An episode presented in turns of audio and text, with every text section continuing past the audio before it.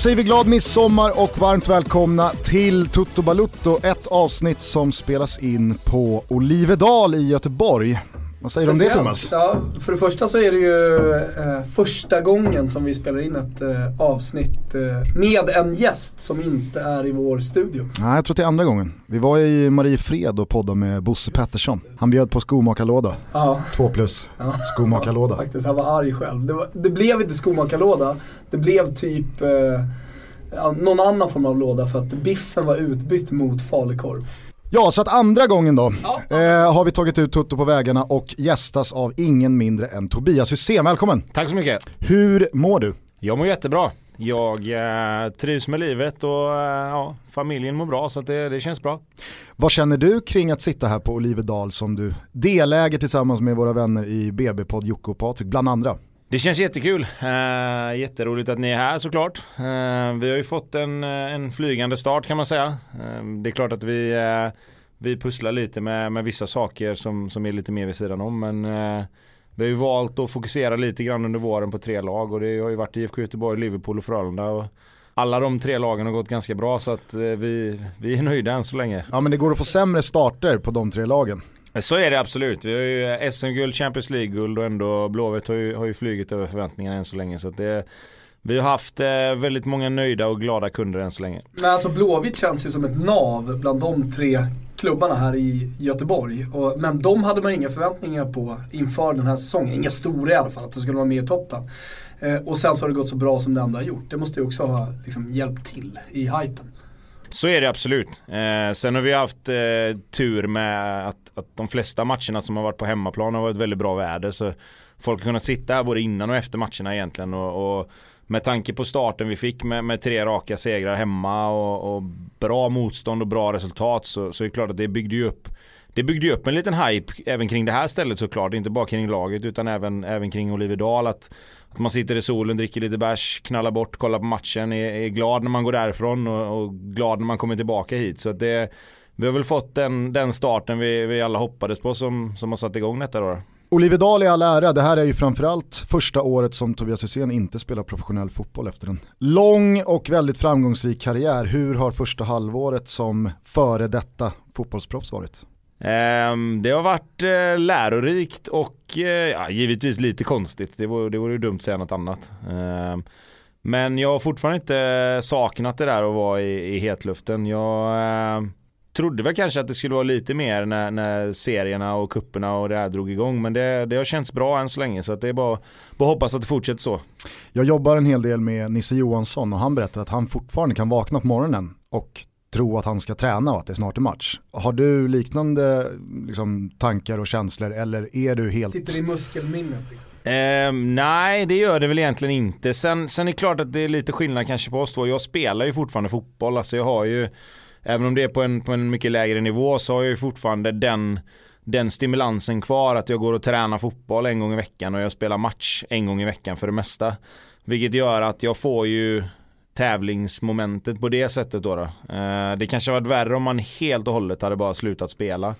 Och sen så har jag ju dessutom jobbet uppe hos IFK Göteborg då där jag är med på nästan alla träningar och ibland då när det fattas folk även där får hoppa in och träna. Så att jag har ju liksom fått en lite mera mjuk eh, avvändning eller vad man ska säga på, på själva elitlivet än, än vad kanske många andra får som bara slutar helt, helt och hållet. Är du bra på att hantera kvalitetsdroppet ner i seriesystemen och att du helt plötsligt omgärdas med ganska så mediokra spelare? Jag tycker vi har ganska mycket bättre spelare än vad jag hade förväntat mig. Vilket gör att det är väldigt, väldigt roligt. Det har gått väldigt bra. Och eh, för mig är det mer en, en grej att jag Ja, vad ska man säga? Det, det, handlar väl någonstans om att inse, inse var man är också. Eh, jag försöker att ställa krav på, på spelarna som, som jag spelar med men inte orimliga, eh, inte orimliga krav. För det, då hade man kommit ner dit och blivit en jobbig jävel bara. Utan eh, jag försöker få dem att förstå att de nog är lite bättre än vad de kanske själva tror också. Eh, sen har vi vissa som man behöver ta ner lite på jorden som tycker tvärtom. Men, det, men så är det väl överallt antar jag. Men hur bra är du nu? Hur långt ifrån en start i Allsvenskan skulle du Alltså det är klart att så, nu har det inte gått så jävla lång tid. Det är ju mer fysiken som, som man liksom... Men om jag... Göteborg liksom verkligen skulle ha kris. Ger, ger en, alltså en månads full träning för att komma tillbaka i form så hade jag ju löst, då hade jag löst det, det tror jag. Problemet hade väl varit hur, hur, kroppen reagerar på den sortens belastning egentligen. Det var ju det som var problemet förra året. Att när, när skadorna kom och, och man märkte att så fort du spelade två matcher två 90 minuter liksom säg lördag, onsdag. Mm. Så tog det ju nästan två veckor innan man kände sig helt fräsch igen. Eh, och det var ju det som gjorde att jag sen valde att, att sluta helt också. För att kroppen höll inte för belastningen det innebär att träna så mycket och spela så mycket på den nivån då. Eh, men nu har jag ju fått vila. Jag har ju medvetet liksom lite grann låtit kroppen vila också. Inte kört på fyra, fem träningar i veckan för att, för att hålla mig, om man säger fit då. Utan kroppen har fått vila och skulle jag lösa belastningen så tror jag att en månad eller en och en halv så, så hade jag nog kunnat lösa att vara med i en allsvensk trupp. Det, det, det, hoppas jag verkligen. Men var det självklart att lägga av efter i fjol? Ja, det blev det med tanke på det jag precis berättade just med kroppen och belastning och sånt där. Liksom. Jag, jag kände själv under, ja, framförallt under sommaren och hösten att det, det var liksom inte kul. Jag, jag gick på 70-75% även när jag var helt frisk. Liksom. För att ja, kroppen löste inte mer än så. Det, det var lite så här att 3-4 dagar så kunde man inte träna efter en, en 90 minuter. Och i den åldern jag var så måste du kunna träna hela tiden. Jag har kunnat träna hela tiden fram till förra året och det är det som har gjort att det fortsatt gått bra fram tills förra året egentligen då. Jag tänker mest att det, det kanske för vissa är psykiskt och mentalt svårare att lägga av än fysiskt för att man känner sin kropp på olika sätt men just det där att man kanske inte känner sig färdig.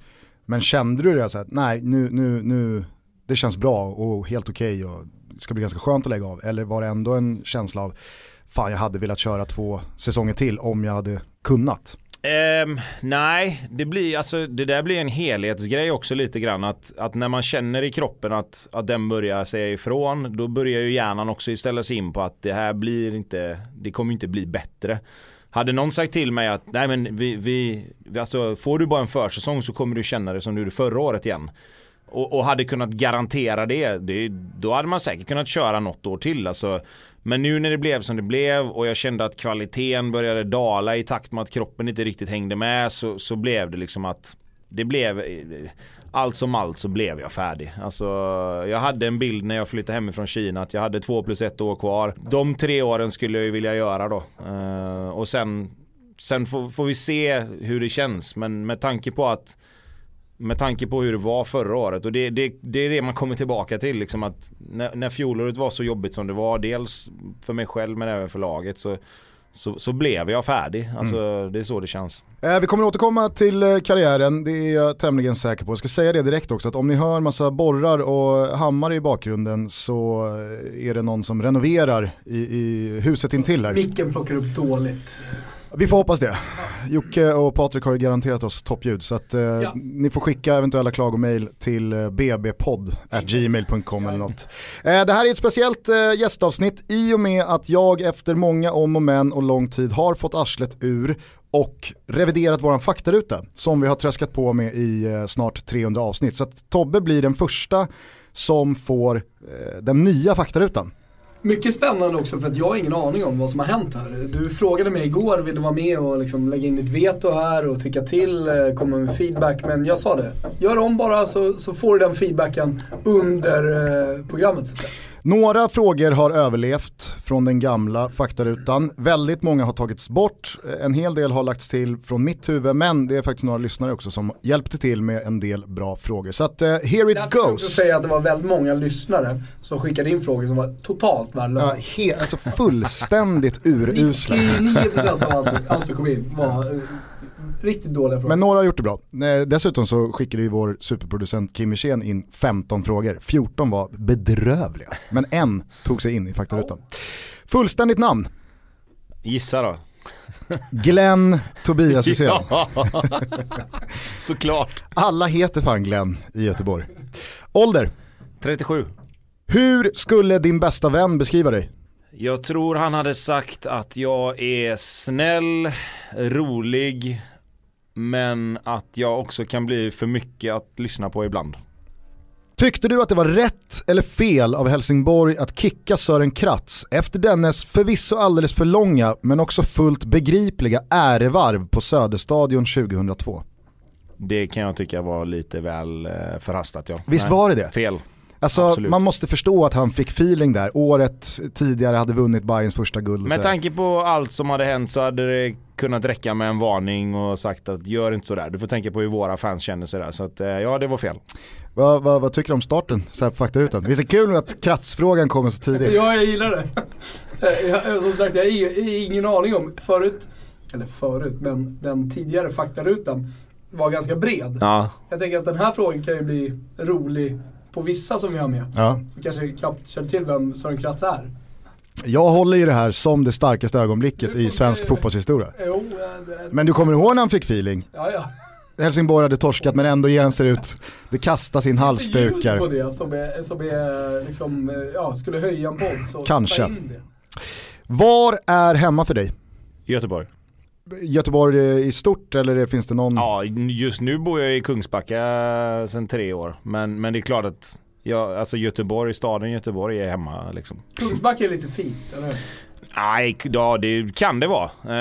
Eh, vi bor i ett väldigt fint hus eh, i ett område med väldigt mycket hästgårdar och skog och sådär. Så att, eh, men det är klart att det finns väldigt mycket finare områden än, än där jag bor. Men ja, Kungsbacka är precis gränsa, alltså man kör in i Halland fem minuter innan man kommer till, till oss egentligen.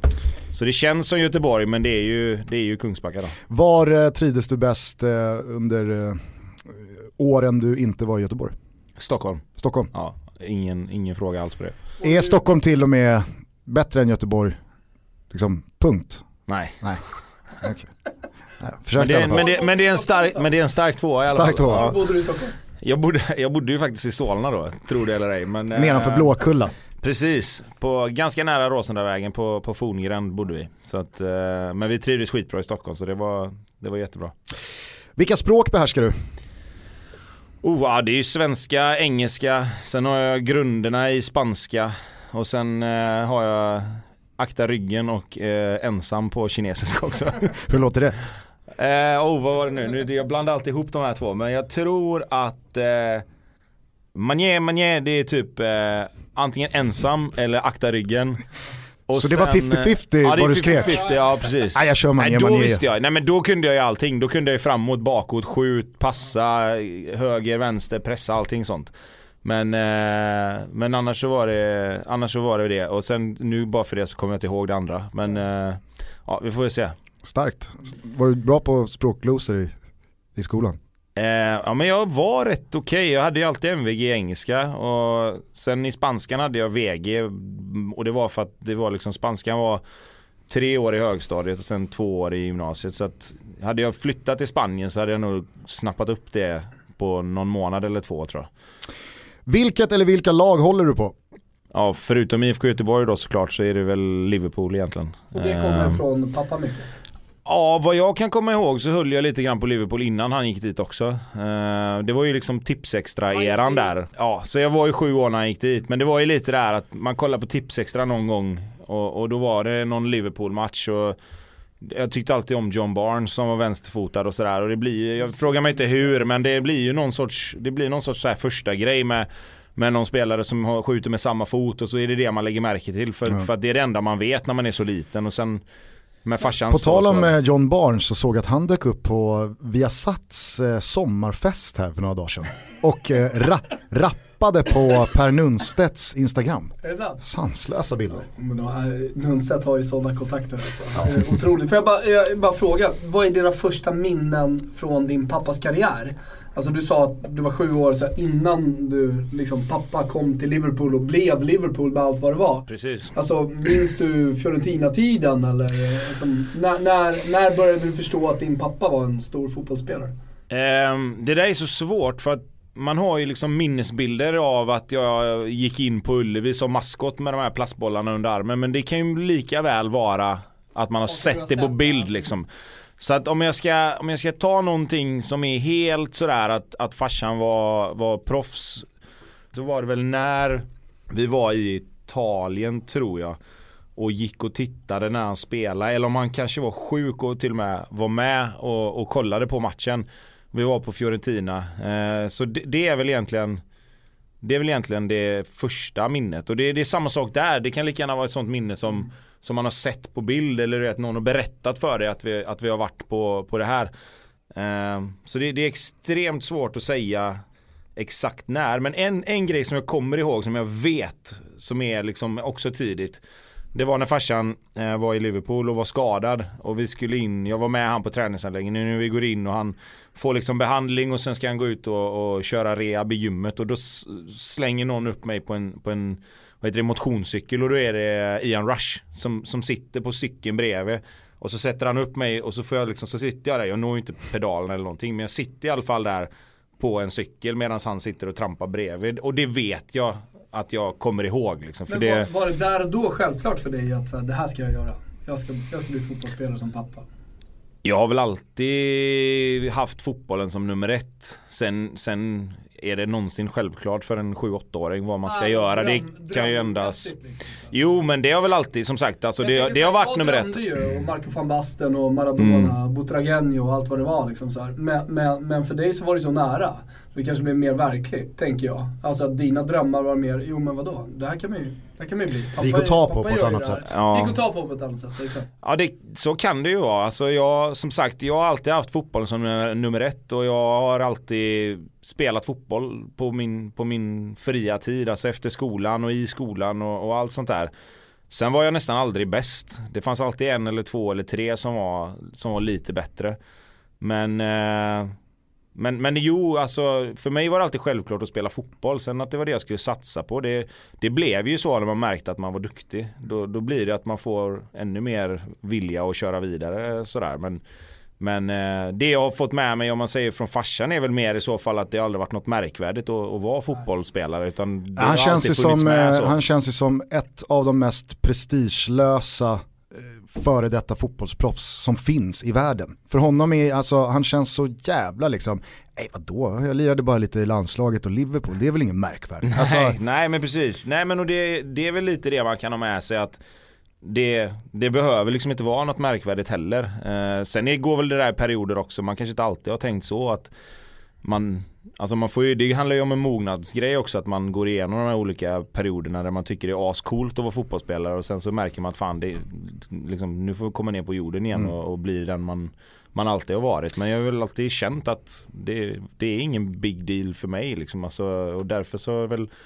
försökt vara sån också. Men bara på tal om, om den där prestigelösheten hos pappa Glenn och sådär. Har det bara varit inspirerande och positivt att ha haft en farsa som har varit så framgångsrik eller har det på något sätt kommit med en hel del press så att man känner att man hela tiden blir jämförd med hans eh, meriter och hans antal landskamper och, och, hans status eller har det bara varit? Jag kan inte säga att jag har känt av någon extra press liksom. Alltså, sen är det där igen då när man var liten så, så kanske det var så utan att man själv kommer ihåg det.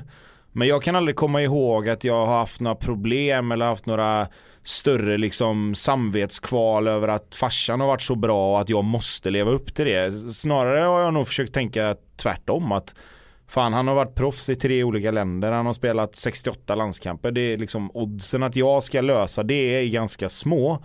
Så kan man ta sig en bit på vägen så, så är det gott nog liksom. Alltså, så att, Nådde hälften på landskamp. Ja men precis. Men det blev aldrig några sex getingar i någon match va? Nej men jag fick ju, fick ju en femma mot, mot Tyskland där. Just hade, hade det, det, var ju offside, det var offside med någon centimeter där när jag gjorde mitt tredje mål. Hade jag gjort det så... Var hade sagt att det var offside? Ja det var nog lite offside kanske. Så att... Bara eh, på tal om klassiska ögonblick i, i svensk fotbollshistoria där eh, med, med Sören Kratz. Ett, ett annat sånt här alltså, riktigt guldögonblick är ju när Glenn klättrar upp på Fredrik Skans läktare är det va? och eh, berättar för Blåvitt-klacken att Tobbe är klar. Vi kan väl lyssna på hur det lät. Tobbe är klar. Okay. Vad kände du när det nådde dig? ja, det var väl inte helt eh, positivt till en början. Men... Eh, vad, vad, var det liksom första samtalet du tog? Första samtalet var ju, jag, jag, tror att det var, ja, det var ju någon utav eh, av kvällstidningarna, om det var Aftonbladet eller Expressen. Det vet jag inte, men det var någon i alla fall som ringde på morgonen när jag satt i England. Och sa att eh, du, eh, din pappa har gått ut och bekräftat att du är klar för IFK Göteborg. På Felix Nej men det sa han inte utan han sa bara att de, de, de ja, jag bara ja, nej fast ja det tror jag inte att han har gjort.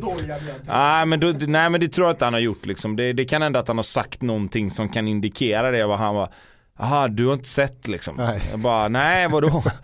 nej men gör så här då.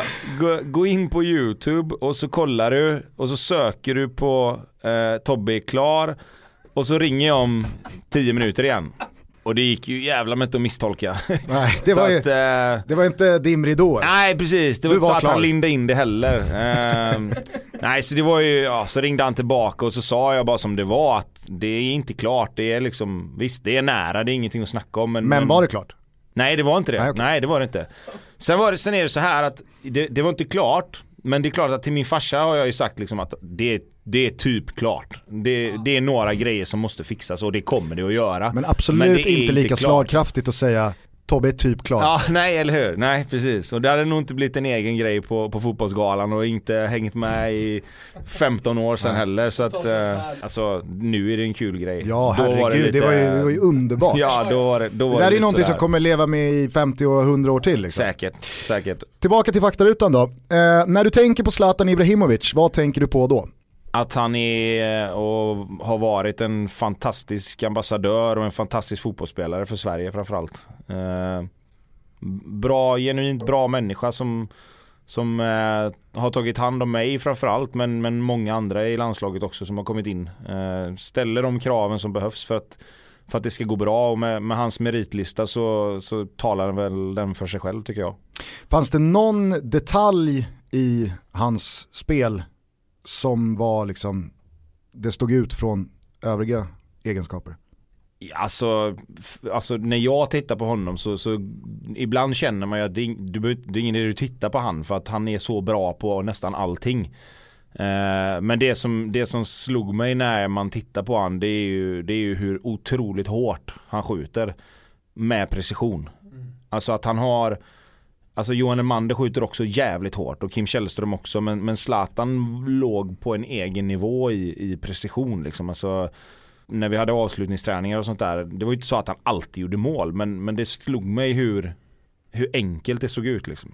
Fan ändå, ändå, får jag bara säga det, jag, jag tycker att det är, är kul att Tobbe nämner Johan Elmander här, för det var en av de anfallarna som jag alltid kände så här, han träffar inte bollen rent.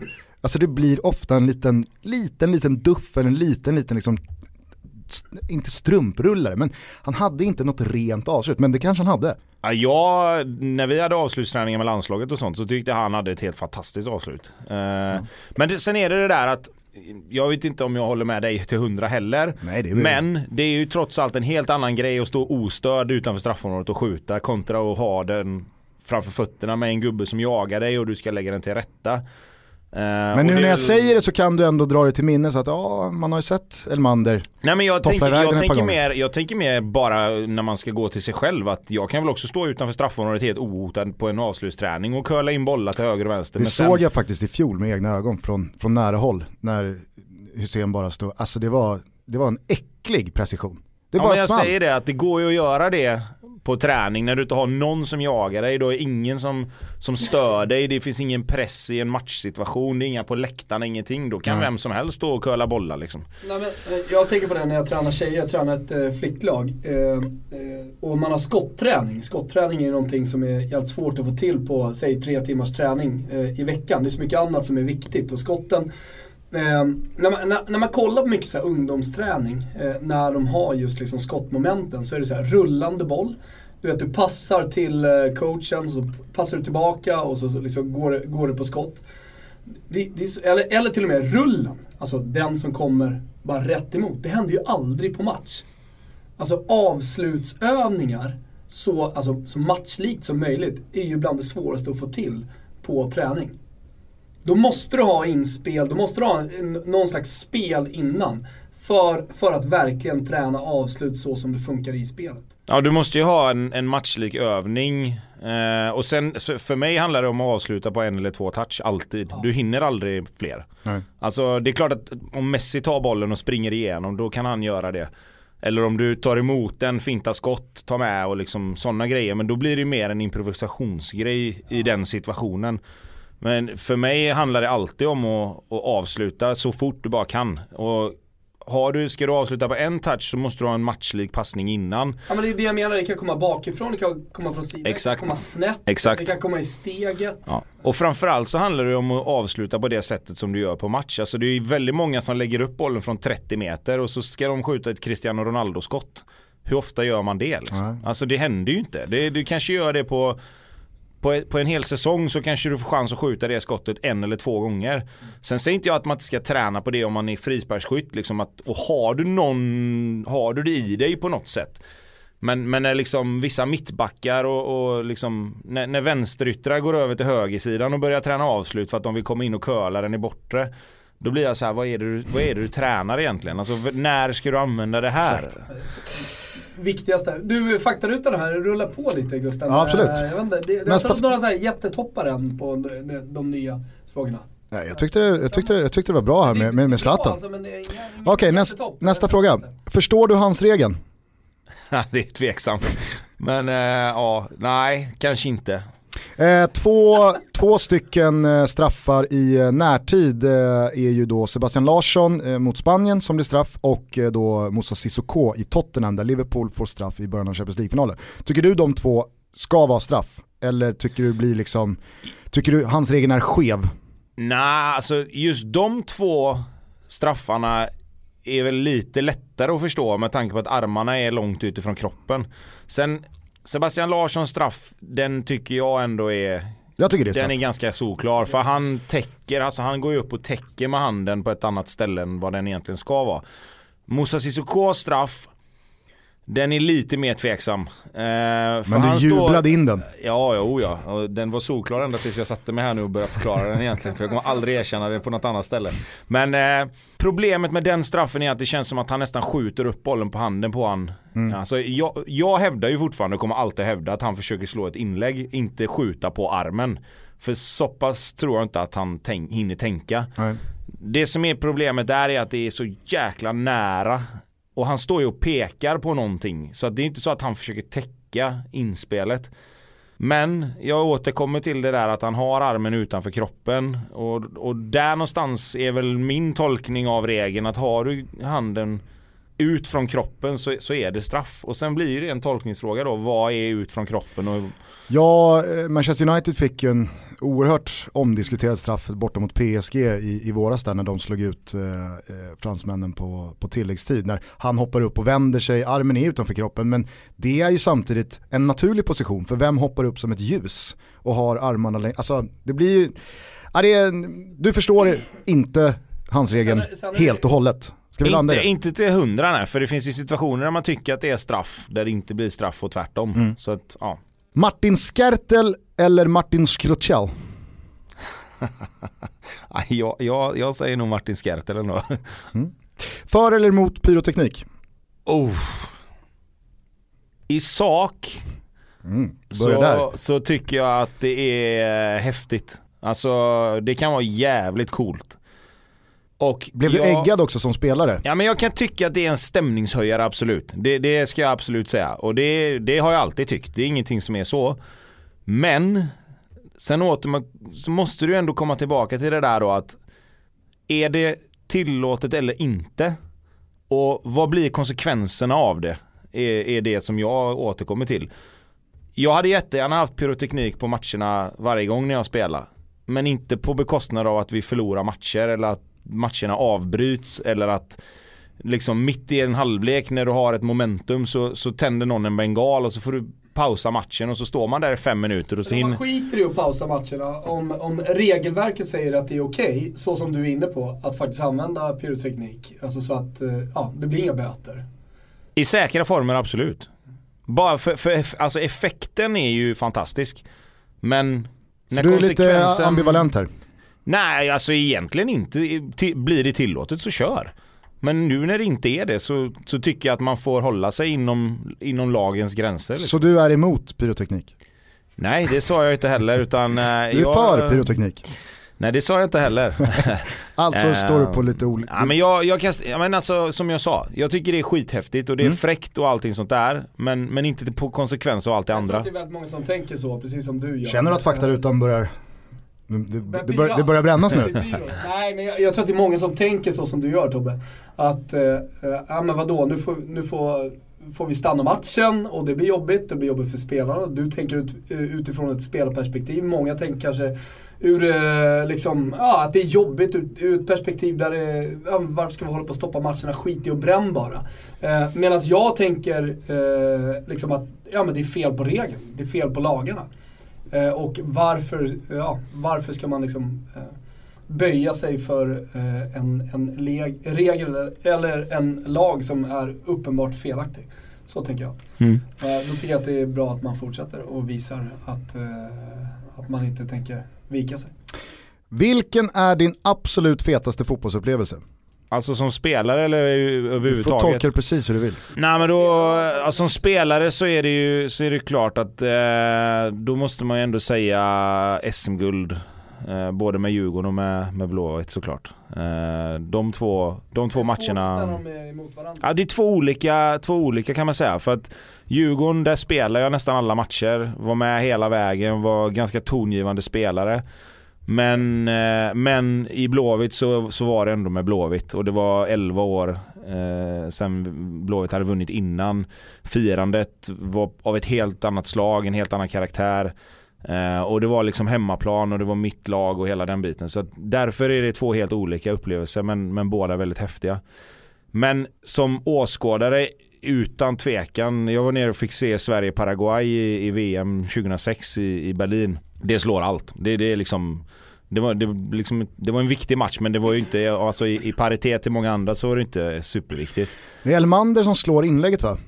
Inte en helt ren träff på det Nej. inlägget. ja, Till sen, Ljungberg. sen hittade jag någonstans, eh, nej det är väl, eh, är det inte Albeck som gör något så här eh, över, han sparkar den tillbaka in va och så kommer väl Ljungberg. På något sätt. Ja, Eller det kanske, är, men- jag kanske tänker på fel mål här nu men det Jag tror Det att det är- Elmander som älgar Ja. på, på högerkanten och får in den.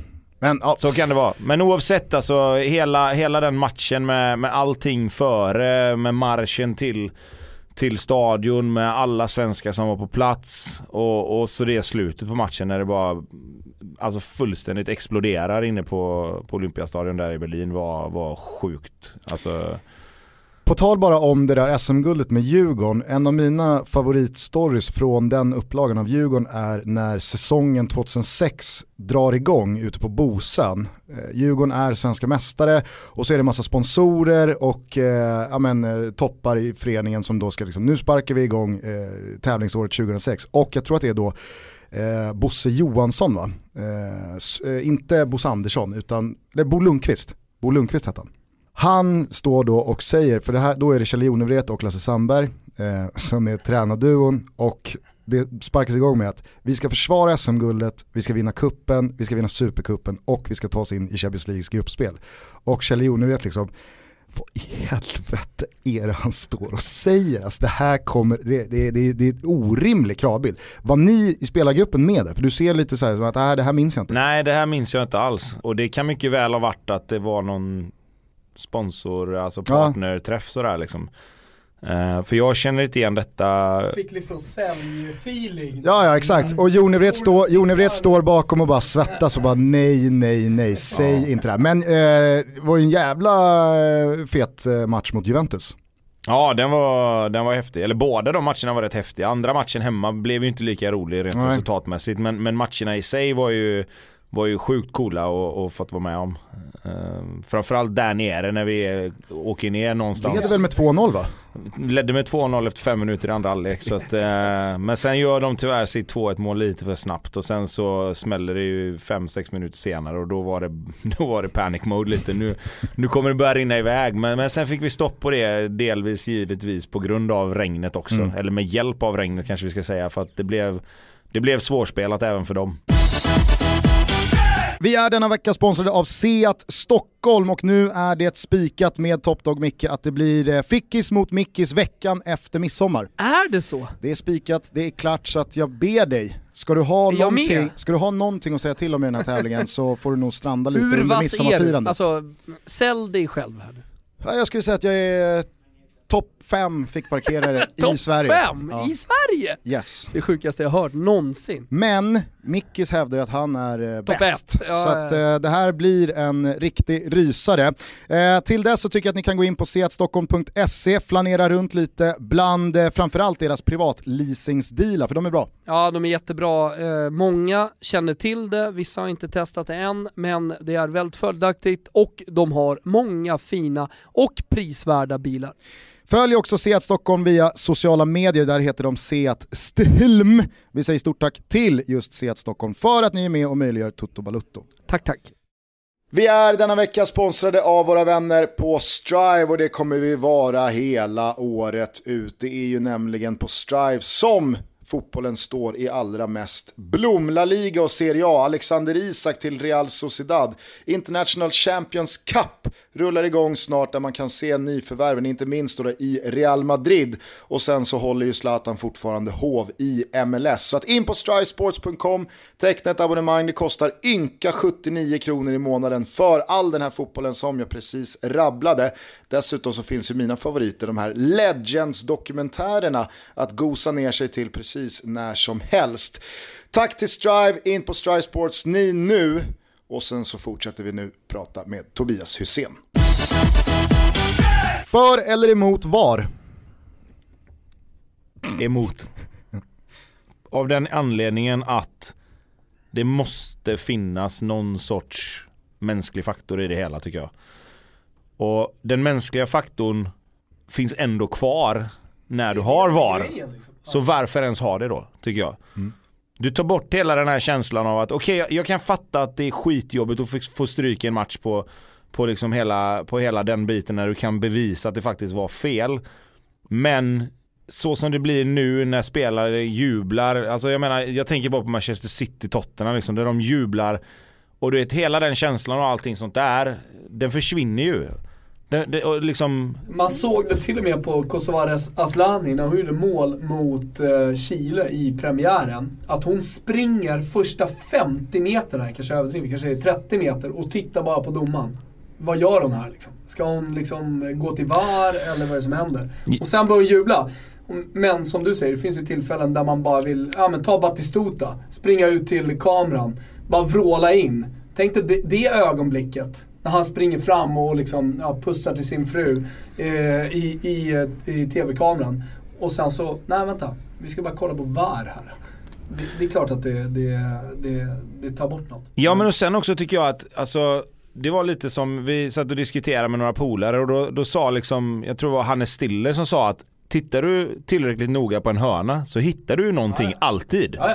Du hittar en straff, ja. Ja, eller en frispark eller vad fan som helst. Och då är ju frågan hur mycket ska du använda det? Alltså, Det var känslan i VM i, i fjol att det blev väl 20 straffar mer än det VMet som haft flest straffar. För att det går att hitta straffar precis exakt, hela tiden. exakt. Och ska du titta på de situationerna så kommer du alltid kunna hitta något om du bara letar tillräckligt noga. Och det är det som jag inte gillar lite. Det är en del av spelet. Ja, Så att precis, du, eh, precis. du, eh, Men du Thomas, vet ju att jag har vänt. Ja, ja Fan, vi hade absolut. ett avsnitt där, där jag Thomas var ju vände. oerhört pro VAR.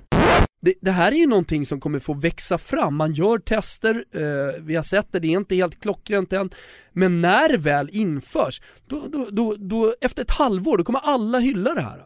Du säger så här, men vi ska bara limitera oss till avgörande situationer. framåt Gusten, Ja. varför fattar du inte det? Och så sitter Gusten Dahlin och David Fjell och Christian Borell och är emot det för de gillar någon jävla romantisk fotboll på 80-talet. Du är en bakåtsträvare, du är ingen entreprenör Gusten. Nej, nej. Du sitter där och förvaltar saker och ting. Sluta göra det för fan, var lite jävla modern här. Men, Ja, eh, innan det eh, rullades Ja. ut och innan det De får, de, får, var eh, de får modifiera och, och fixa till det på ett helt annat sätt för att det ska bli en bra grej först. Modifiera, fixa till, kom tillbaka och, och presentera vad fan ni har. Ja, exakt, men, exakt. Men så som det är nu, ta bort skiten. Sen så tror jag också, eh, och det har jag drivit hela tiden som ett argument att var ska det sluta? Alltså för att om man kan kolla det här, ja men då kan vi också kolla det här. Och då kan man kolla de där situationerna. Och det är där har Då- problemet som börjar komma i NHL-hockeyn nu. Ja. Där har de ju, där börjar de bli sätta så här stopp, med videogranskningar. Att fan nu börjar de videogranska allting. Ja. Och då får du, tar du bort hela känslan Ja. med, med sporten Tennisen lite. hade väl samma sak, att när Hawkeye kom så var alla liksom till sig och det var kanon. Men sen så blev det ju, alla började utmana hela Mm. tiden. Äh, kolla den på Hawkeye. Han tog ju mig ner. Ja, exakt. Mm. Så att, eh, ja. Hawkeye-lösningen kanske, på VAR. Ja. En per halvlek eller? Ja, det är, det är ju samma sak där. Då får man ju sitta sig ner och, och skissa upp hur det skulle kunna se ut. Men, men det, är väl en, det, är väl en bättre, det är väl en bättre lösning i så fall om man kan hitta någon bra, någon bra variant av det. Men då vet man att då kommer det komma en match där man har bränt sin utmaning Det är ändå nice. och sen då stå tom när alla kan se att ja, här var det ju Men då är det så det är ju. Då vet man om det. det, är det som vi sa, får man förhålla sig till det. Jo, absolut. Eh, vem från fotbollsvärlden hade du sätt velat dela en flaska vin med? Ja, den är kvar. Den är kvar. Vem från fotbollsvärlden hade jag helst delat en flaska vin med? Pappa. Ja, gud vilket jäkla beige svar det hade varit. Eh, jag säger Steven Gerrard, Okej. såklart. Finns det någon flaska vin du har delat med någon från fotbollsvärlden som är liksom en minnesvärt eh, ögonblick eller kväll? Ja, alltså vi hade ju, eh, vi hade ju Ian Walker som var gamla Tottenham-keepern där. Eh, han stod ju i Tottenham i 13 år tror jag. Som var målvaktstränare när vi var i Shanghai. Eh, så det är väl det är väl det närmsta. Och, lite vin. ja, vi satt och... Han måste ha suttit på ett par bra stories. Ja, han hade, han hade en hel del. Eh, men sen det är klart, alltså, vi, fan, vi har ju druckit vin med landslaget så då har det ju varit liksom Liksom ja, Olof Där någon fanns det- gång och. Kim någon gång, Olof känns Isaksson. som en Och... bra kille att sitta med en kväll. Ja det var jävligt roligt. Vi, vi hamnade bredvid varandra på någon sån här eh, lite efter matchmiddag i Budapest en gång efter vi hade slått Ungern. Och han är jävligt rolig. Det, han har lite så här, han har lite annorlunda humor men jävligt rolig humor. Jag, jag har ju... Jag kan tänka mig att det är en riktigt skruvad humor. Ja men jag har ju väldigt, väldigt lätt för att anpassa mig beroende på vem man är med vad gäller just humor också. Det handlar ju mer om ett mindset tycker jag, vad, vad du ska tycka är roligt så. Men jag bara, det, det var jävligt Har- roligt. har- Göteborgskt i, i din eh, humor? Ja, ja, ja, ja herregud ja. Jag har ju, jag har ju Ja. tävlat, eh, jag har ju tävlat i Ja Göteborgsvitsar precis, mot, eh, mot precis. Tobbe. Ja. Jo nej men det är jag. Men, men samtidigt som jag sa, alltså jag, jag, kan, jag kan anpassa mig där lite grann. Alltså, det handlar nog mer om att, att tänka att okej nu, ska vi, nu ska vi ha skoj liksom. Jag vill minnas att den jag och Tobbe hade mest roligt Det åt, kommer jag ihåg. det var vad säger, vad säger läraren i Mm. vindruveskolan? Nej. Vad, vad säger bananfröken? Ja, vad säger bananfröken? Tyst i klasen. Uh, får, får jag bara säga en sak så här. Om, när vi reviderar faktarutan om ett år Mm. så skulle ju en eh, av eh, frågorna kunna vara vad ska vi göra med Olof Mellberg? ja men jag Alltså, tänkte vad ska fråga det. fotbollen göra med Olof Nej, men jag tänkte fråga det, har ni god kontakt eh, fortfarande du och Olof Mellberg? Nej vi har aldrig varit polare sådär vid sidan Okej. om. Utan jag, det var tänkte bara just om du, den... jag tänkte bara om du hade någon inside information om vad han gör. För att det var ju sån jävla märklig exit där. Eh, Nej, efter han alltså, har de tagit jag upp känner BP. i och- BP som hade honom säger ju att det är, liksom, det, är det, Äh, det, bästa jag haft. Det är helt otroligt. Alltså vilka tränare, alla i BP trodde Fast alla, det var väl väldigt mycket skrik också att eh, eh, Asrudin Valentik eh, Absolut skulle... inte. De, alltså så här, Valentik, ja all cred till honom det han gjorde. Men det blev ju för mycket att man gick över till att hylla Valentik. Det blev ju det som var liksom, Men vi lever ju i jag Ferran Sevilla-tider. Ja, nej, nej, men jag snackar med, ja, jag orkar inte ens nämna namnet. Men eh, en, en av de BP-killarna som eh, säger att jo, Valentik var bra, men alltså Olof Mellberg, vilken jävla ledare. Och vilka, eh, alltså så noga han var i matchförberedelser och alltihopa. Jag trodde han skulle liksom bara ta ett storlag direkt efter BP. Eh, ja, märklig exit från fotboll. Ja, men han, eh, han har ju utbildat sig vidare, han går väl eh, sista delen här i, i Pro. Ja, vi får se om vi reviderar faktarutan om ett år. Favoritarena? Förutom mina egna hemmaarenor då. Nej, det också. Eh, och, och, du Ja men då blir det ju jättelätt att säga Gamla Ullevi såklart. eh, stadion? Nya eller gamla? Ja, eh, ny, ny, nya. gamla Ullevi. Nej, jag älskar nya Ullevi. Ja. Alltså, Gamla, men, om, gamla men, Ullevi men alltså. om man ska välja, om man ska välja en bortaarena då istället. Eh, en bortaarena som jag, sen har det aldrig gått speciellt bra där kanske. Men jag älskade ju att spela, när jag var i, dels i Djurgården men även med Blåvitt så älskade jag att spela på Råsunda. Mm. För att jag tycker Råsunda var en fantastisk fotbollsarena. Det blev sånt jävla tryck och det är klart att när du då spelar i AIKs kanske två största rivaler så har du ju mycket gratis just med att trycket kommer så. Men jag tycker att Råsunda var det var jävligt häftigt att spela där. Dels fick jag spela där med landslaget också men, men det, var, det var en bra fotbollsarena tycker jag. Finns det någon eh, från utlandsåren som gjorde avtryck på dig? Um, jo men det är klart, vi spelar... Stadium of Light är väl ganska ja, nice den är nice alltså. som fan. Den är riktigt bra, absolut. Men det är ju en gammal hemmaarena då. Ja. Men det är klart att den, den, är också, den var också fantastisk. Sen tyckte jag ju, det var ju mer coolt kanske att komma typ till Ellen Road med Leeds och alltså... Topparena också. Ja, nej det var den väl kanske inte men eh, den var jävligt cool att komma till. Sen har ju, sen hade ju eh, Southampton hade ju en fin arena, nu kommer jag inte ihåg vad den heter men Var det St. Mary's eller var det den? Nej det var nog St. Mary's då för den var Den. ny. Eh, den var ju också jävligt cool. Ehm, så det, det är ju... Har du, har du varit på Ellen Road som supporter? Nej aldrig. Nästa gång du åker med pappa eller åker själv med kompisar till Liverpool så åk över till Leeds eh, och så går du på The Old Peacock innan. Ligger precis bredvid arenan och sen så går du och kollar på Leeds. De ligger ju i Championship så jag tänker att eh, det kanske borde funka tidsmässigt att se båda matcherna. Liksom. Ja, Eh, det, är, en av de bästa fotbollsupplevelser man kan vara med om. alright. Nu ska vi se om eh, du är av eh, detta skrot och korn. Favoritkaraktär i Seinfeld? Eh, Kramer. Gillar du, gillar du att den här frågan är med? Ja, ja absolut. Eh, Alltså det är, Man hoppas ju när man springer in i de jag riktiga finsmakarna vet, vet vad? och Jag hittar gillar, de här liksom Ja. eh, Tim Watley. Ja, jo, Tandläkaren som konverterar till judendomen Precis. bara för att kunna använda För att den skämten. är väldigt mycket Gusten. Gusten är Seinfeld Ja. för mig. Ja, jag har inte kollat så här överdrivet mycket på det egentligen så att jag kan inte... Men Kramer är, det är ju det är Ja liksom, precis. det är Nej, men det, kort. det, finns, det finns många andra också. Alltså Newman är ju fin också men Men eh, jag, som sagt, jag, jag kan liksom inte namedroppa folk från speciella eh, avsnitt så. var ju lite som Ace Ventura när det kom så här. Så det, var en, det, var, det var en ny typ av humor i TV. Ja. Mäktigaste numret som du har i din telefonbok? ja. Pappa på alla svar. ja, eller hur. Har du Zlatan? Nej. Eh, mäktigaste numret. Har du eh, Torbjörn Nilssons? För att han är väl gud här i stan? Ja, har jag det? Det kanske jag har. Det borde jag ju ha. Med tanke på att han var assisterande där för något år sedan. Ja. Jo men det har jag väl. Är han stor för dig?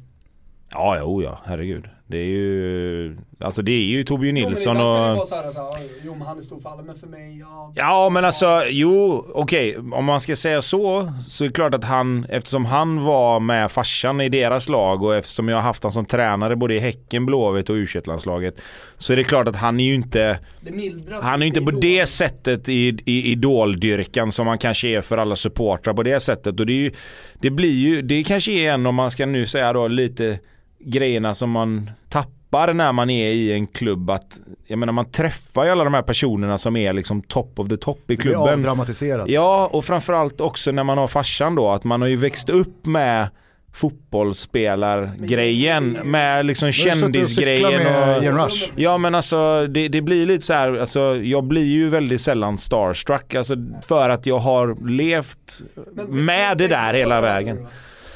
Min största idol som jag har haft som jag fortfarande aldrig har träffat är ju Stefan Edberg. Ja, det, det kanske hade varit, nej det kanske hade varit... Fan vad Eh, jag hade hans eh, eh, pikétröja som gick ner till knäna för det fanns inte juniorstorlekar. Jag hade skorna. ja, jag hade frisyren när jag var liten, det var det som var grejen. Klipp mig som Stefan Edberg var det. Den timide Stefan Edberg. Eh, Gör, gör, gör någonting stort för svensk tennis för övrigt. Mm, absolut. för eller emot konstgräs? Är det ens en fråga eller? Ja Det är det ju är det ju för väldigt många. fullständigt- Jo, Hörde du, hörde du eh, Jon Persson i eh, podden är väldigt Fotbollsexperterna? Nej. Vad sa han nu Ja, då? men han dundrade ut att eh, han, han ställer sig 180 grader på andra sidan att inför konstgräskrav. Så att alla har samma underlag. Fick han mycket, han, fick, han hade jobbiga dagar. Fan, jag har han hade alltid- jobbiga jag har dagar på, alltid- expert. han hade jag har jobbiga alltid dagar på gillat Twitter. Jonas, jag tycker han har varit en skön person men det här får vi ju, det här får vi ta ett snack om när vi Eh, träffar Kim honom kan nästa gång. säkert eh, klippa in en minut från eh, avsnittet Fotbollsexperterna när Jon kommer med detta. Alltså Anders Andersson håller ju på och Ja det hoppas jag tappa det. verkligen. Ja det hoppas jag verkligen. Jag säger inte att alla ska byta, men om vi måste välja så börjar fasken tippa över till att vi inte ska ha konstgräs rakt över istället. Nej, herregud. Nej. Konstgräs rakt över, är du galen? Jag kan inte förstå hur man kan vilja gå åt det hållet när det inte finns några andra som gör det. Det är mer det, alltså visst, jag kan köpa konstgräsgrejen som komplement till alltså hybridgräs eller gräs för att kunna träna på, om man säger, notera fingrarna, gräs året mm. om. Men att Borås till exempel ska ha konstgräs i Allsvenskan för mig. Jag förstår att det har andra, att kommunen lägger det för att det ska användas och hela den biten. Men då får man, jag, det jag inte fattar är varför la de inte konstgräs på, på Ryavallen? Och la ordentligt gräs Men på Borås Arena. Problem också att ja, alla kids som växer upp nu, växer upp på konstgräs. Eh, de spelar bara på konstgräs i stort sett. Överallt, om det inte är kupper, om det inte är Gotia Cup eller Dana Cup eller vad det nu är. Så att de blir vana med det. Så att jag märker det bara i min lilla kvartersförening som jag spelar i Rönningesalen. Där vill inte 14-15-åringarna spela. Vi har en jättefin, alltså Gamlestadsvallen, eh, gräs liksom på Salemsvallen. Men ingen vill spela där. För att de är så jävla vana med, med konstgräset och det studsar inte. Men jag, det är lika tungt att springa och så vidare och så vidare. Men jag köper inte det för att när jag växte upp så exakt likadant var det för oss fast vi fick spela på grus. Mm. Exakt. Ja, men det, det, och jag menar sen gick man in, sen gick man in på gräs. Till Sverige, när han kom till, till AIK. Så, så, första matchen jag såg honom var på Stadshagen på grus. Ja, exakt. I Knicken. Ja. Bävernylon. Nej men alltså konstgräs som jag sa. Alltså från, från november när säsongen är slut till jag kanske till och med kan sträcka mig till att säga att okej okay, man kan spela Svenska Kuppen kanske på konstgräs för att få ordentliga matcher istället för att spela på sunkiga gräsplaner i februari-mars. Men sen när allsvenskan börjar då ska det vara gräs. Så pass mycket måste klubbarna kunna, okej okay, då får man faktiskt... Är du så pass mycket i den åsikten att du tycker att det ska vara gräskrav?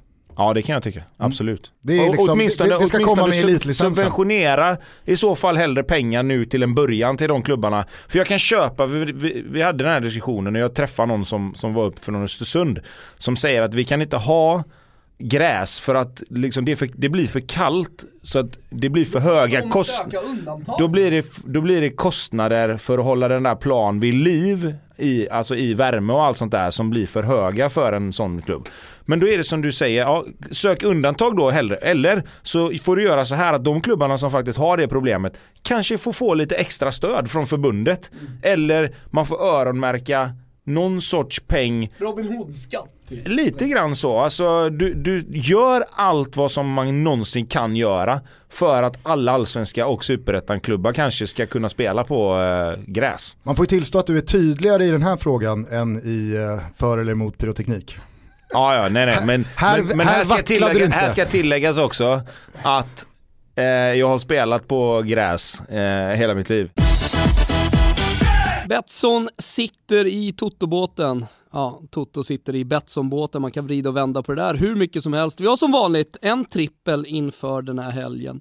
Och eh, det är en eh, sannoliken eh, stark känsla, i alla fall i min mage, på hur Italiens grupp kommer att sluta. Jag vet inte om jag liksom tror på Uefa-hjälp eller jag vet inte vad, VAR-hjälp, eh, någonting. Men Italien måste vinna, så är förutsättningarna, samtidigt som Spanien vinner sin match eh, mot Polen, som just nu alltså är gruppledare. Eh, situationen är alltså prekär efter att Italien eh, förlorade mot eh, Polen med 1-0. De hade 38 avslut mot mål, Italien. Det var mer eller mindre fullständig slakt på plan, de fick inte in bollen, de hade stolpe bland annat. Eh, så att, att Italien vinner mot Belgien, det, den, den tycker jag är självklar.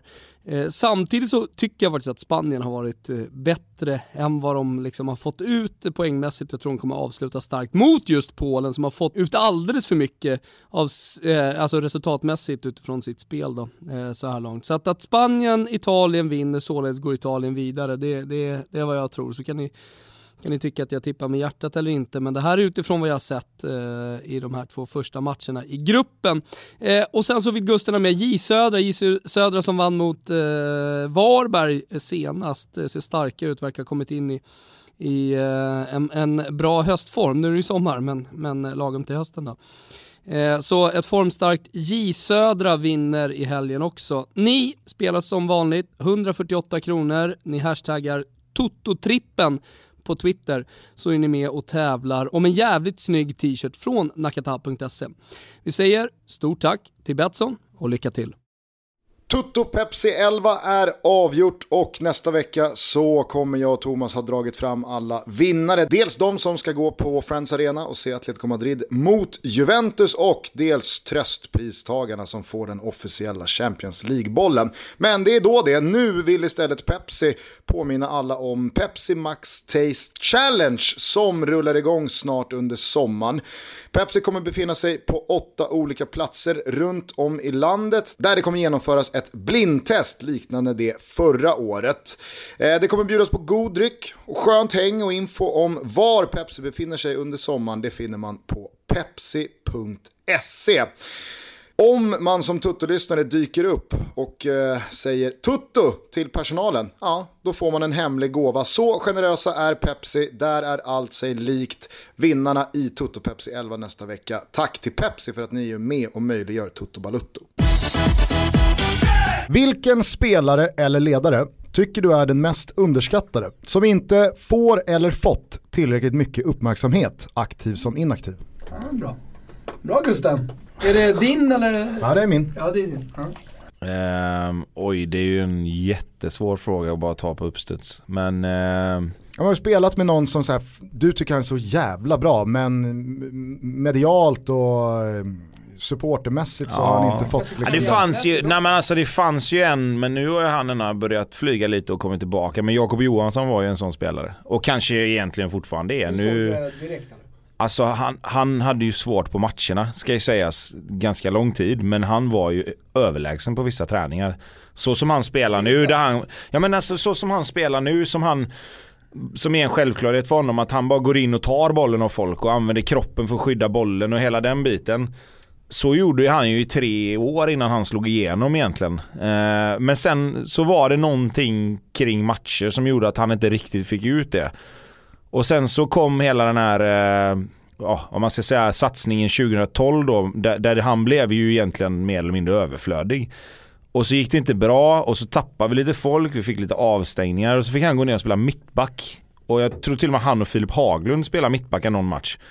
Och så började det gå bra för han och han gjorde det jävligt bra där nere. Och sen visade det sig att okej, det går inte så jäkla bra för oss. Vi behöver ha upp lite mer power på mitten. Så då spelar Filip Haglund och Jakob Johansson in mittfältare helt plötsligt. Och Pontus Svanerud fick någon sorts fri roll på kanten istället. Och helt plötsligt så var Jakob Johansson den som han är nu och har varit sedan 2012 egentligen.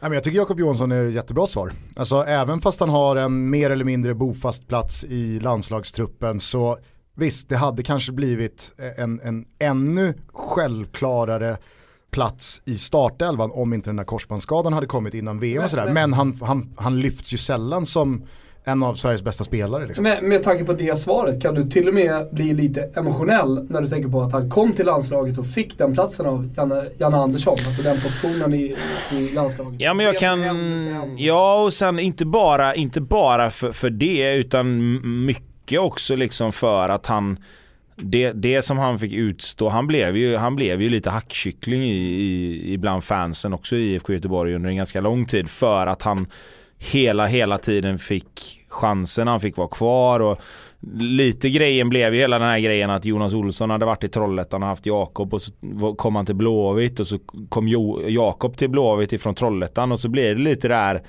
Hela den kopplingen blev ju väldigt stark. Att vad, vad gör Jakob Johansson här och varför är han med och hela den biten. Och att komma upp då i A-laget som 17-åring 2007 egentligen. Och sen orka 2008, 2009, 2010, 2011. För att sen liksom slå igenom på fullständigt allvar 2012. Men hur många spelare orkar göra den resan under så lång tid? Ja, för att sen bli fullständigt överjävlig i allsvenskan och alla liksom tycker att han är fullständigt given, han är superstar i allsvenskan, han går ut och blir proffs, han gör det bra, han tar en bofast Det plats. gjorde han ju i Grekland. Ja, ja absolut. Och sen kommer han in i landslaget och då är det också likadant, vad fan ska han göra där? Han hamnar lite grann i samma fack som, som Pontus Wernbloom liksom. Vad fan, han kan ju bara kötta. Och så går han in och så gör han det bra där igen. Kan Wernbloom bara kötta? Och herregud nej. Nej, alltså Värmdö, han var ju en jävla Det, tia det, det, det, ville finns, det finns ingen, ja, men det finns ingen spelare som spelar i, i landslag som tar sig någonstans överhuvudtaget nära ett mästerskap som bara kan kötta. Men- Eller bara Alltså, kan spela Var det liksom. inte jävligt onödigt dumt av Wernbloom att tacka nej till landslaget när Janne kom? Han hade ju haft en så jävla solklar plats i det här landslaget. Också lyft det här landslaget om han hade varit kvar. Ja men han, han, han, alltså jag vet ju varför han inte vill vara med och han, han, han var klar liksom. Han, han hade, han hade ledsnat, han hade, men han hade ledsnat på det som jag precis sa att folk bara såg honom som en köttare liksom. Han har spelat i ryska ligan i fem år, han var der, ryska ligans bästa utlänning typ två, tre år i rad liksom. Mm. Och då ska du ändå veta att då var det ganska många bra utländska spelare som spelade där ett tag.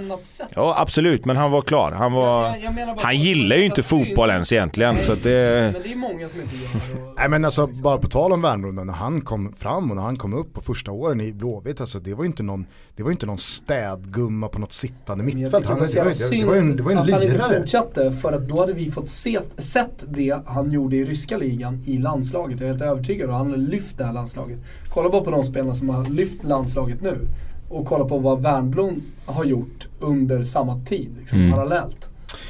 Men Jakob Johansson tycker jag var ett väldigt bra svar. Eh, vilken spelare eller ledare har du aldrig riktigt sett storheten i?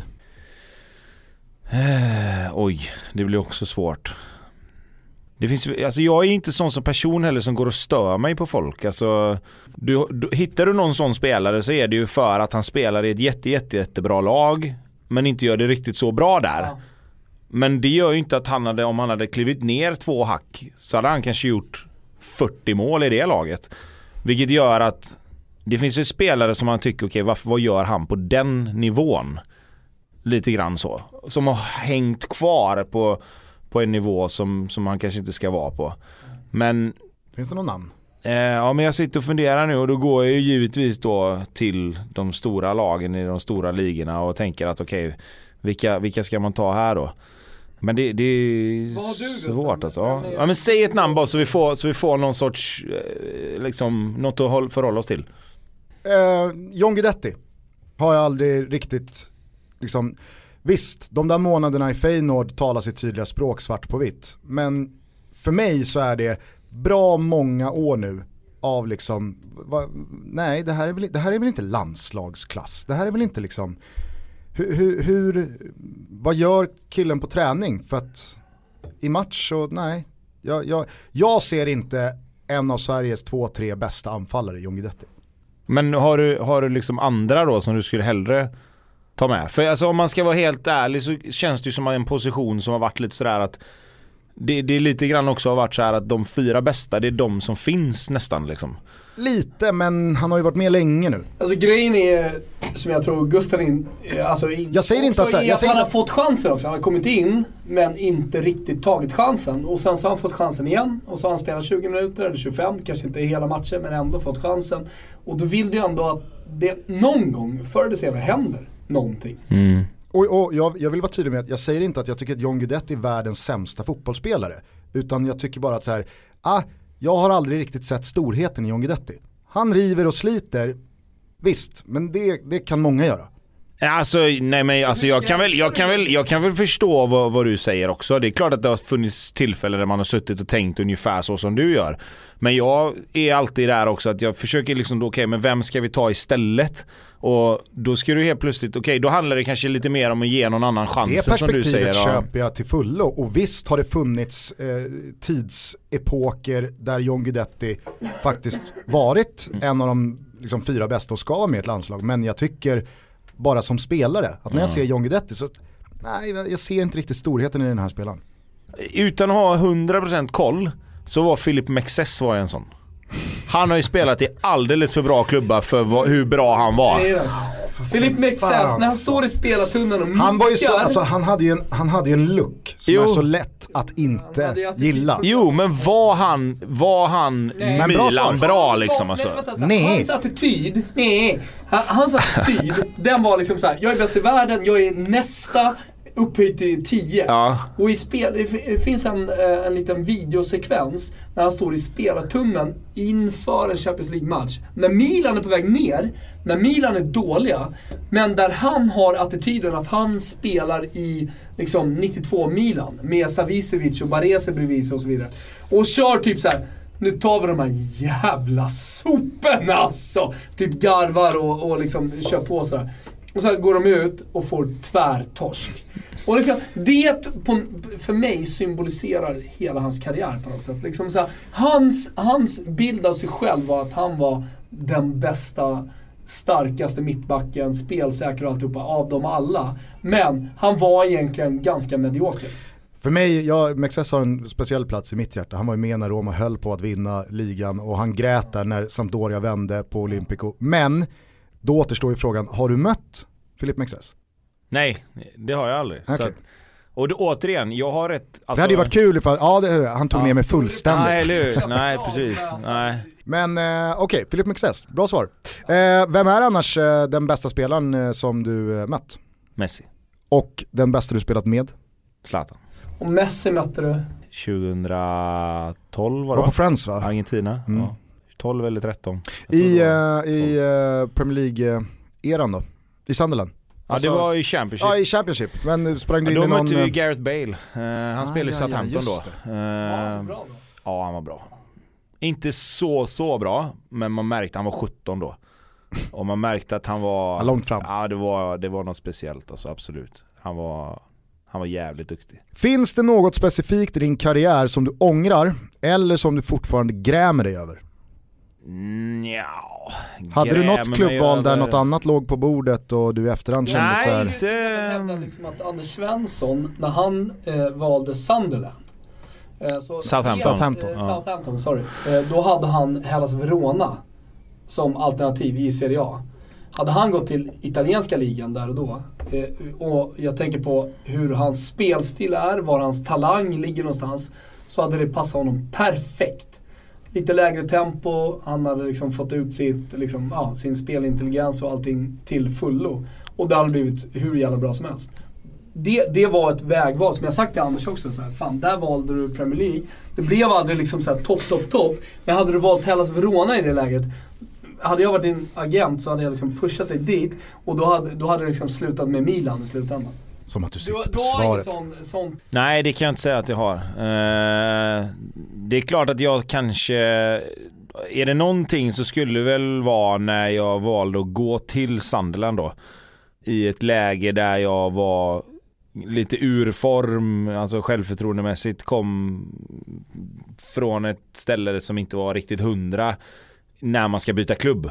Men alltså vi vann ju Championship och spelade 28 matcher och det var ändå liksom ganska okej så. Eh, sen kan man alltid fundera på, jag gör inte det för att jag fick vara med om så mycket annat för att jag flyttade hem. Men det är klart att man kunnat fundera på att sätta sig och gå igenom vad hade kunnat hända om jag hade valt att bli utlånad istället för att flytta hem till, till IFK Göteborg. Det fanns, fanns intressen från andra Championship-lag när jag, var, eh, när jag valde att åka hem. Men då hade å andra sidan historien i IFK Göteborg blivit helt annorlunda och jag vet inte om jag hade velat vara utan den. Så att det är väl, alltså, Du ältar inte så mycket. nej jag gör faktiskt inte det. Det blev som det blev. Det, det är så. Re- Rent ekonomiskt känner du att du har fått ut maximalt av din talang, så din karriär? Ja det får man väl ändå säga. Det fick jag ju hjälp med på slutet här kan man säga. Så att eh, det har jag absolut fått. Och nu flödar degen in här på Olivedal. ja precis. Stoppa fickorna fulla. Ja. Vad gör ett snyggt fotbollsmål? Jag förstår ju till exempel inte överhuvudtaget de som tycker att det på något sätt är snyggt när någon lyfter den från halva plan, över målvakten.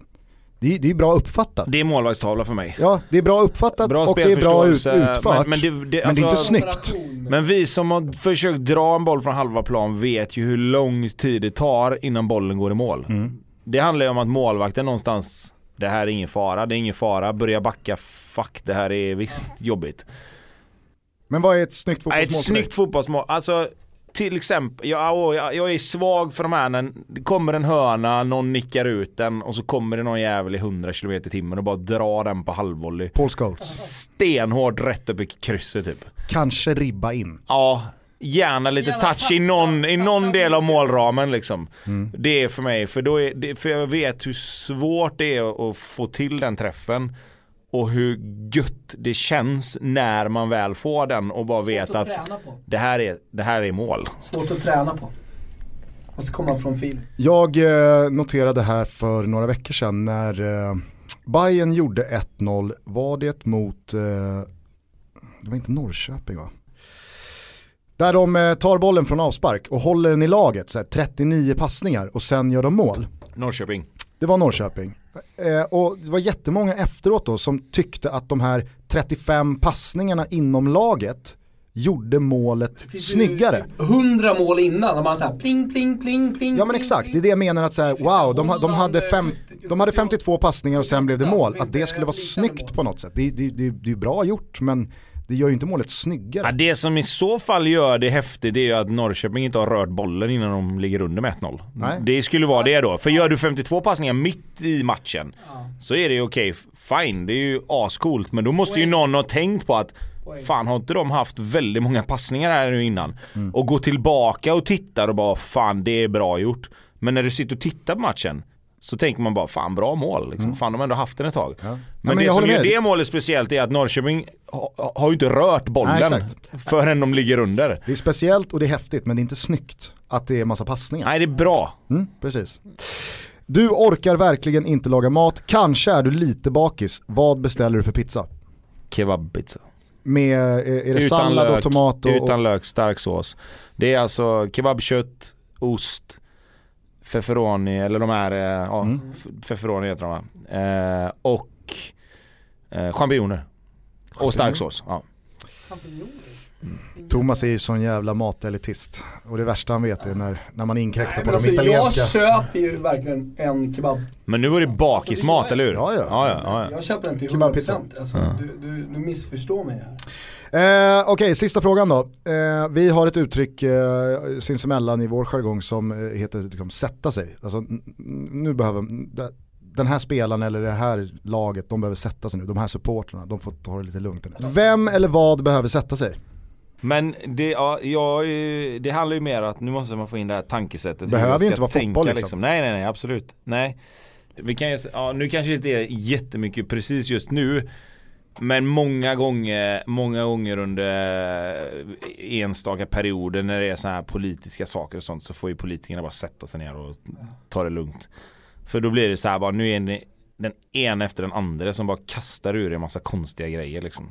Sätt er ner nu bara. Ja, det, har varit, det har varit kämpiga 8-9 månader här bakåt i tiden. Politiskt. Ja du. Är det så eh, pappa är ju tydlig sosse. Nej det skulle jag nog inte säga. Alltså jag, jag är ju lite så här att jag, jag är för det första inte intresserad överhuvudtaget. Så att jag, jag är ju en av dem som lite grann går in och gör de här valkompasserna någonstans för att få lite hjälp på traven och jag har väl hållit mig lite grann åt samma håll ganska lång tid nu. Eh, Även i kompassen så att säga. Ja, den, den, har, den, den har visat, den har visat eh, mer eller mindre samma två, två eh, valmöjligheter i, i ganska, ganska lång tid. Jag gillar ändå att du är öppen med att du inte är intresserad överhuvudtaget men politikerna behöver sätta sig. Ja, fast det är nog mer att, det är nog mer att alltså, med sociala medier och allt sånt där som finns nu så blir du ju ständigt påmind om vissa saker. Och jag, kan, jag är inte intresserad av det men jag läser ju fortfarande, alltså, det, det, blir- det blir svårt att inte läsa och så får du en rubrik där det står någonting att nu har det här varit och den här säger si och den här säger så. Folk som jag följer på till exempel Twitter eller Instagram och sånt där kan ha delat saker som jag känner, okej men vad är det här nu då? Och så går man in och läser saker och så blir man bara så här, men vad fan. Eh, det var faktarutan, vi ska börja avrunda eh, men efter den här IFK Göteborg-våren så måste jag såklart eh, fråga dig. Blåvitt eh, parkerar ju på en eh, tabellposition här under eh, det korta sommaruppehållet som jag tror har överträffat mångas förväntningar i alla fall inför. Såg du den här våren komma eller eh, hör du till de som är positivt överraskad? Det är väl både nej och nej. Alltså nej, jag såg inte det komma på så sätt att vi kanske skulle vara med och slåss i den absoluta toppen efter, efter våren. Så, ja, så på det sättet ja, kanske lite grann positiv överraskning. Men jag har ju ändå sett de här spelarna i, i några år och jag har ju sett hur saker och ting har börjat falla på plats lite mer under träning och det har sett ganska mycket bättre ut på träning än vad det har gjort på match. Ja, det har varit frustrerande också. Alltså, men det blir- Resultaten inte har funkat. eh, Ja, För mig, för mig handlar det här om, om två saker. Dels handlar det om att till slut någonstans få en klar bild över att okej nu har vi hittat ett sätt. Alltså nu har vi skruvat på de här skruvarna som är de olika delarna. Så att nu till slut så sitter allting. Sen finns det alltid grejer man kan förbättra givetvis. Men, men, men själva helheten sitter nu. Och sen handlar det om självförtroende. Det, det är liksom till 90% i den här situationen nu så handlar det om självförtroende. De här spelarna som är liksom har varit helt jätte, jätte, jättebra nu under våren har ju blivit tillsagda i ett och ett halvt år att de har varit helt värdelösa. Alltså folk har gått ut på alla möjliga olika plattformar, fans, media, alla verkligen som inte tillhör IFK Göteborg har talat om för alla de här spelarna som spelar nu att ni är helt värdelösa. Ni kommer åka ur, ni är inte vatten värda. Och så får vi lite grann då liksom Lite flow i början. Ja, du slår, alltså sen ska ju dock säga så att första matchen innan AFC gör sitt mål så är vi ganska bra. Men sen blir det samma visa igen. Samtidigt som första 20-25 mot Elfsborg kan ju de göra 1-0. Så är det absolut. Där kan ju säsongen ta en annan vändning. Ja, och det är så det är. Men helt plötsligt då så får vi, om man säger, det där lilla, lilla, lilla flytet i en match som gör att helt plötsligt står det 2-0. Inte 1-0 utan 2-0 helt plötsligt. Vilket gör att du får en liten, liten, liten buffert. Att du känner att okej fan, nu, nu är det liksom det är inte lugnt men du har ändå, du har ändå den att fan vi kan släppa ett mål. Mm. Och sen i andra halvlek så blir det lite grann så här halvt ställningskrig och så kommer utvisningen, pang. Sen missar han ju den straffen och då hade det kunnat förra året bli så här, "Åh, herregud vad gör vi nu? Men sen kommer det 3-0, pang, game over, alla går hem glada. Vi har ändå en trea på hemmaplan. Djurgårdsmatchen blir lite grann också det där, och bra match, vi hittar ett mål någonstans där en man mindre. Smack, smäll i ansiktet 2-1. Och där hade det samma sak som mot Elfsborg kunnat gå helt åt. Men sen kommer de här matcherna liksom, Helsingborg, bara städar av. Kalmar, okej fine, bra match ändå, får en poäng i slutet, lite mer flyt. Boom. Men sen kommer ju AIK-matchen, vilket jag tror är, den är liksom, om man nu ska snacka om, om matcher på ett år som Säsongsdefinierande kan, som kan, matcher. Så handlar det ju om att Prestationsmässigt också, inte bara... Ja, och inte bara, inte bara det liksom. Alltså, jag menar, när man tittar på matcherna mot AIK de senaste åren, framförallt de två matcherna förra året, så var vi inte ens nära. Nej. Sen minns man ju sig ganska nyligen Gustav, Gustav Engvall på Råsunda. Jo fast alltså, fast det är fyra så, år sedan så, nu. så, som Det- gna, så som Gnaget spelade ut eh, Blåvitt på Gamla det Ullevi i så- Och höstas. båda matcherna skulle jag säga. Ja, båda just- matcherna förra året. Just den Alltså- på Ullevi, den kommer jag ihåg det var, det var så. Nej, det, jag säger det. Det Jag var har liksom aldrig ens sett så nära. stor skillnad var mellan AIK och. Göteborg. Nej, det, det var som jag sa, det var aldrig ens nära. Och att, att kunna göra det med fjolåret i, ändå liksom i beaktning, där AIK är svenska mästare, där de två matcherna såg sådana ut. Mm. Och kunna, och jag kommer använda det ordet för att det var utklassning i den matchen. De var inte nära att göra mål. nej. Kändes det inte som i alla fall. Det kanske fanns något läge här och där. Det var ju betydligt närmare 4-0 än 3 Det kändes så. Alltså, Ja, jag tyckte också och, det såg ut och, så. och, och göra den matchen på hemmaplan inför liksom väldigt mycket folk på det sättet. Den tajmingen. Ja, det, det är liksom det var, det var en sån match där man kollar tillbaka efter det här året tror jag Mm. och säger att där, där fattar vi att okej, vi behöver inte vara oroliga för, för något lag. Liksom. Bland eh, många fina individuella spelarprestationer så är det såklart svårt att eh, inte eh, fråga dig om eh, Benjamin Nygren. Va, vad ser du för eh, framtid där? Han kommer ha en jättebra framtid. Eh, sen har jag alltid sagt att det är en speciell spelare för att han har det där någonting som inte går att förklara riktigt. Att han gör mål och assist när han inte ens är bra. Eh, sen ska man komma ihåg att Benjamin Nygren de sista, kanske sista månaden eh, hade det lite tuffare. Som alla 17-åringar någonstans borde ha. Mm. Och Känns det- ju också som att det är väl fullt naturligt att allt snack i media, all buzz, all eh, liksom, strålkastarljus på honom också börjar påverka en spelare på ett annat sätt Ja, än, än ja innan. alltså, jag, tror inte, jag är inte helt säker på att det är just det. Jag tror Nej. mer det handlar om att killen är 17 år och allt har gått jävligt fort. Eh, han har varit en jättetalang sen han blev någonting i de här pojklandslagen och hela den biten. Och att det skulle komma en reaktion när han kommer upp och gör fyra mål och fyra assist eller någonting de första sju, åtta matcherna. Det är ju helt givet. För killen är fortfarande 17 år.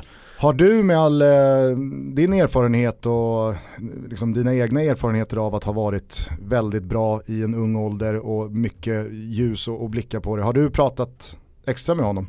Inte på det sättet att jag har försökt säga så som du sa mig, alltså använda erfarenhet så utan mer det här att de vill du att vi ska, vill du att vi ska styra undan uppmärksamheten? Alltså mm. vill du att vi ska hjälpa dig med det? Men han är, han är liksom supercool med det där. Alltså han har liksom inga bekymmer. Eller så säger han så för att han inte vill.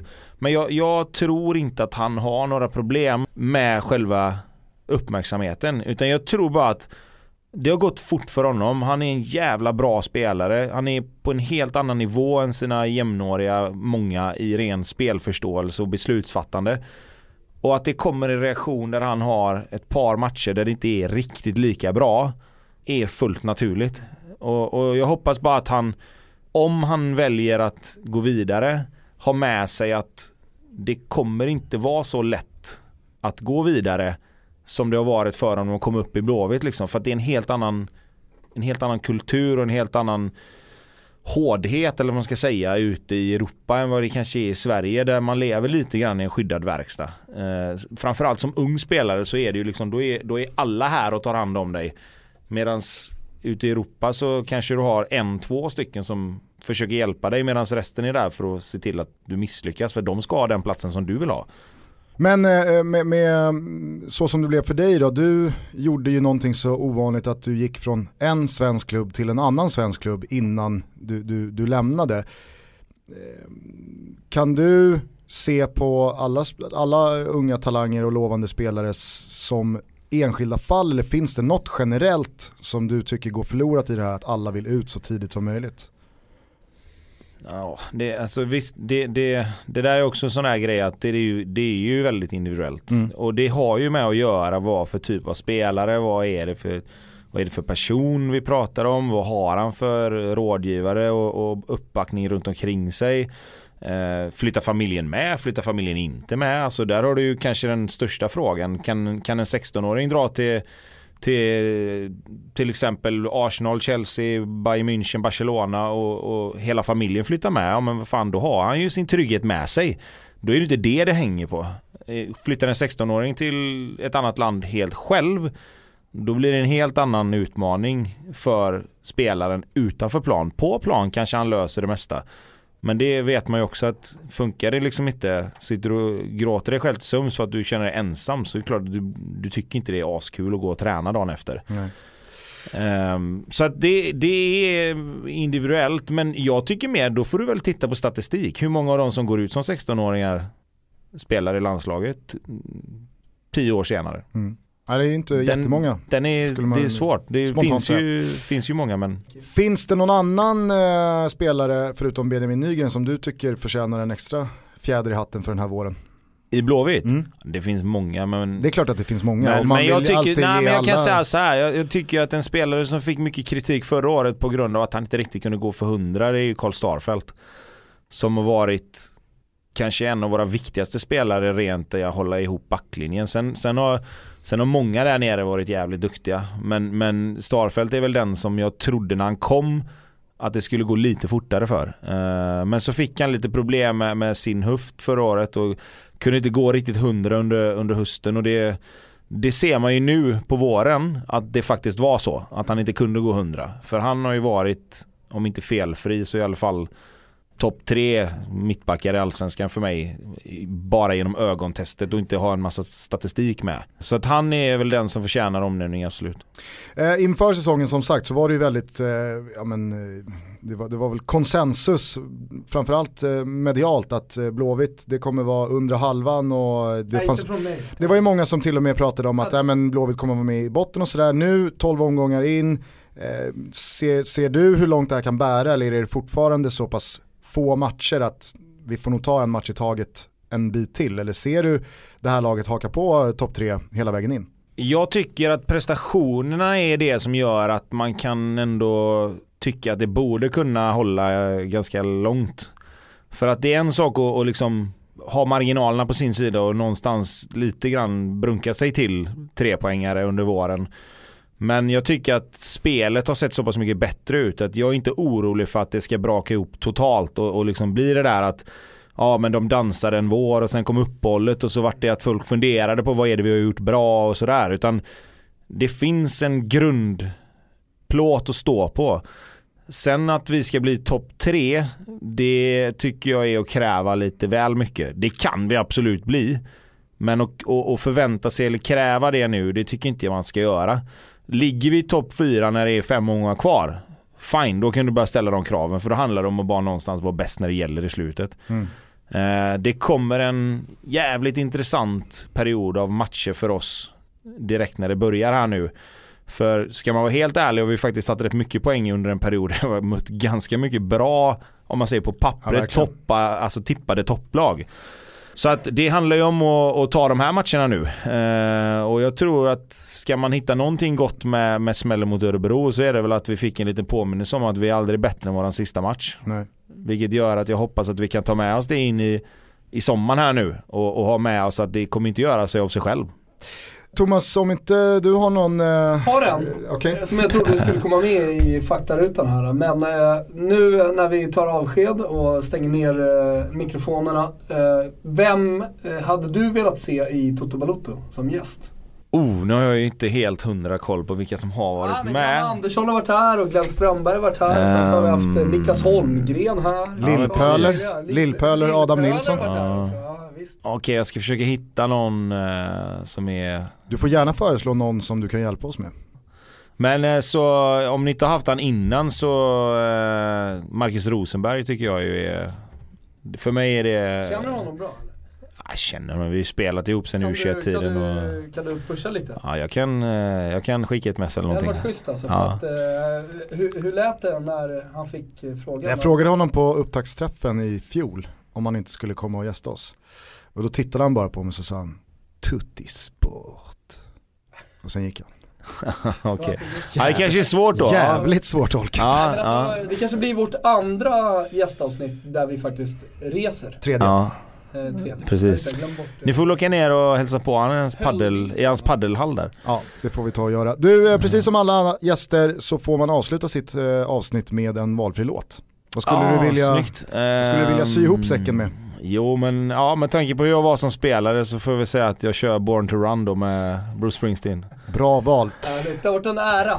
Ja, stort tack Tobias Hysén för att du kom och gästade Toto Balutto. Stort lycka till med både Olivedal och eh, den fortsatta säsongen i, eh, vad heter laget du spelar i? I mitt, Kungsbacka, ja, Kungsbacka City. Det är Kungsbacka ja, City. Jajamän, ja. toppmatch på söndag. Glöm inte att stretcha ordentligt och värma upp ordentligt. Nej.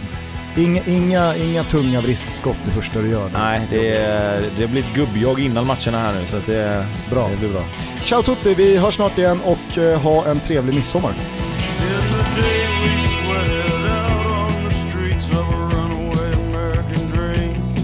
At night